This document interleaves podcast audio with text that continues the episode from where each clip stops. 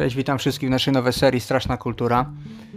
Jest to chyba tytuł roboczy póki co. Jeżeli macie jakieś sugestie, jak moglibyśmy nazwać tą krótką, shortową serię, to piszcie na Facebooku, na Instagramie, czy tam na TikToku, jak chcecie. Na czym będzie polegać ta nowa seria?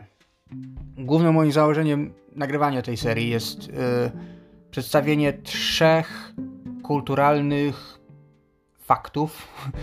Będzie to książka, film, news Ewentualnie może książka, jakaś gra wideo, y, bądź nie wiem, jakaś może nowa piosenka, nowy zespół, który będzie nagrywał właśnie w klimatach takich, wiecie, strasznych.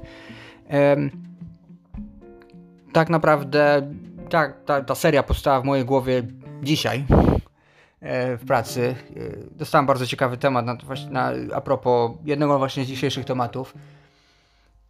Postanowiłem, że może nagram, że spróbujemy może nagrać takie taką krótką serię, gdzie będziemy nagrywać codziennie. Codziennie będziemy jakoś przygotowywać y, nowe tematy wokół właśnie kultury. Y, jeżeli, jeżeli seria by się przyjęła, to myślę, że, zamiast, że przejdziemy z tych trzech y, ciekawostek, możemy przejść na przykład do pięciu, czy troszeczkę więcej. Zobaczymy, jak to, czy w ogóle Wam się spodoba ta seria, czy będzie jakiś w ogóle odzew. To co? Myślę, że, że chyba możemy zacząć. Także zaczniemy. Może zaczniemy od newsa. Tak przekornie. Na newsa, którego właśnie trafiłem dzisiaj, został mi on przysłany. Jest on dosyć stary. Znaczy stary, dwa lata temu, no to nie jest taki stary. E, ale dotyczy egzorcyzmów w Częstochowie. Gdzie zaczął właśnie krążyć news a propos rzekomych egzorcyzmów. E, I jak wynika z opowiadań świadków, rzekomo opętany chłopak, który był trzymany przez czterech dorosłych mężczyzn, co no, już, już wydaje się dosyć podejrzane. E, zaczął pluć, szarpać i piszczeć. E, kiedy, kiedy jeden ze świadków wyciągnął telefon i zaczął wszystko filmować, nagle chłopak wstał, przestał pluć i odszedł, jakby się nigdy nic nie stało. E, nie wiem, co o tym myślicie. Nie wiem, co w ogóle myślicie na temat egzorcyzmów. Czy to jest, czy to jest mit? Czy to jest prawda według was?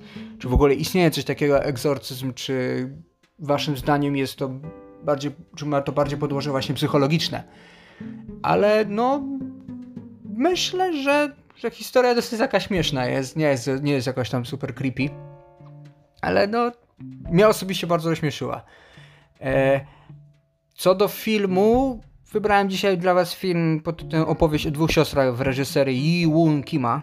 Jest to koreański film. E, oglądałem go parę lat do tyłu, nie pamiętam dokładnie kiedy, ale historia właśnie opowiada o dwóch siostrach, które na skutek tragicznych przeżyć w dzieciństwie zostały zamknięte w szpitalu psychiatrycznym. I po powrocie do domu, gdzie mieszka ich ojciec z macochą, dochodzi między nimi do napiętej atmosfery. E, jest to film bardziej z cyklu horroro-psychologiczny, e, gdzie nie ma jakby dużo straszaków, ale on bardziej się skupia na takiej budowaniu atmosfery i właśnie podchodzi do tego bardzo psychologicznie. Ja osobiście uważam, że jest to jeden z lepszych koreańskich horrorów, azjatyckich w sumie horrorów. Nie, nie mówiąc już tam o Klątwie, czy tam The Ring, czy tam y, Dark Water.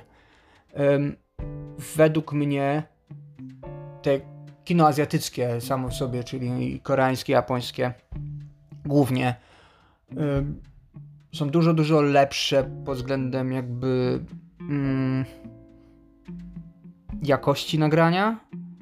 Te filmy nie są robione według skryptów, tak jak mamy to, jak to wygląda w przypadku filmów hollywoodzkich, gdzie generalnie film się zaczyna od tego, że jest fajnie, środek filmu, o coś się dzieje, coś się dzieje i koniec filmu, nic się już nie dzieje i wszyscy się, wszyscy kończą i idą w stronę, idą w stronę światła, czy tam w stronę zachodzącego słońca.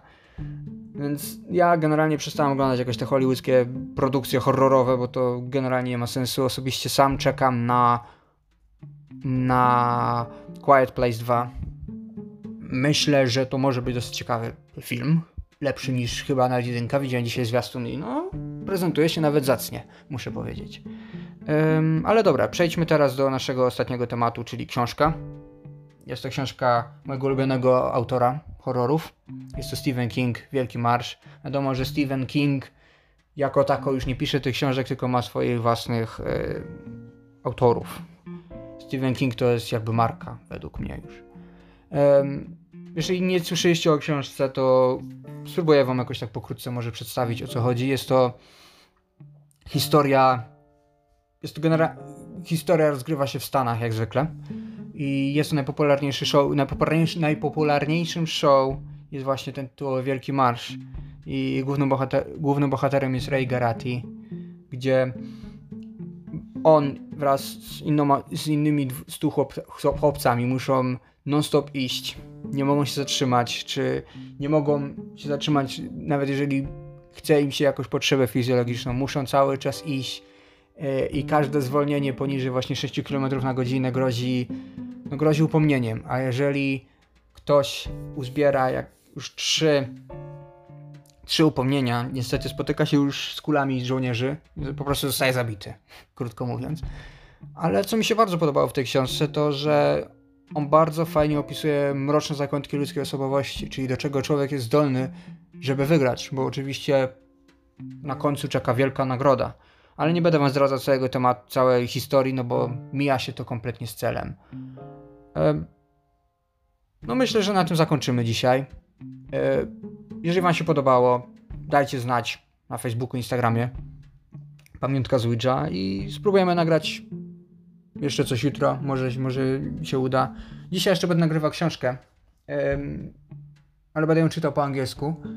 Książka nazywa się Słownik, Słownik Demonów. Jeżeli ktoś byłby zainteresowany, to jutro godzinach gdzieś tak wieczornych powinien już lecieć pierwszy odcinek, gdzie no Zresztą przekonacie się sami. Nie będę wam zdradzał też fabuły, no bo no po co.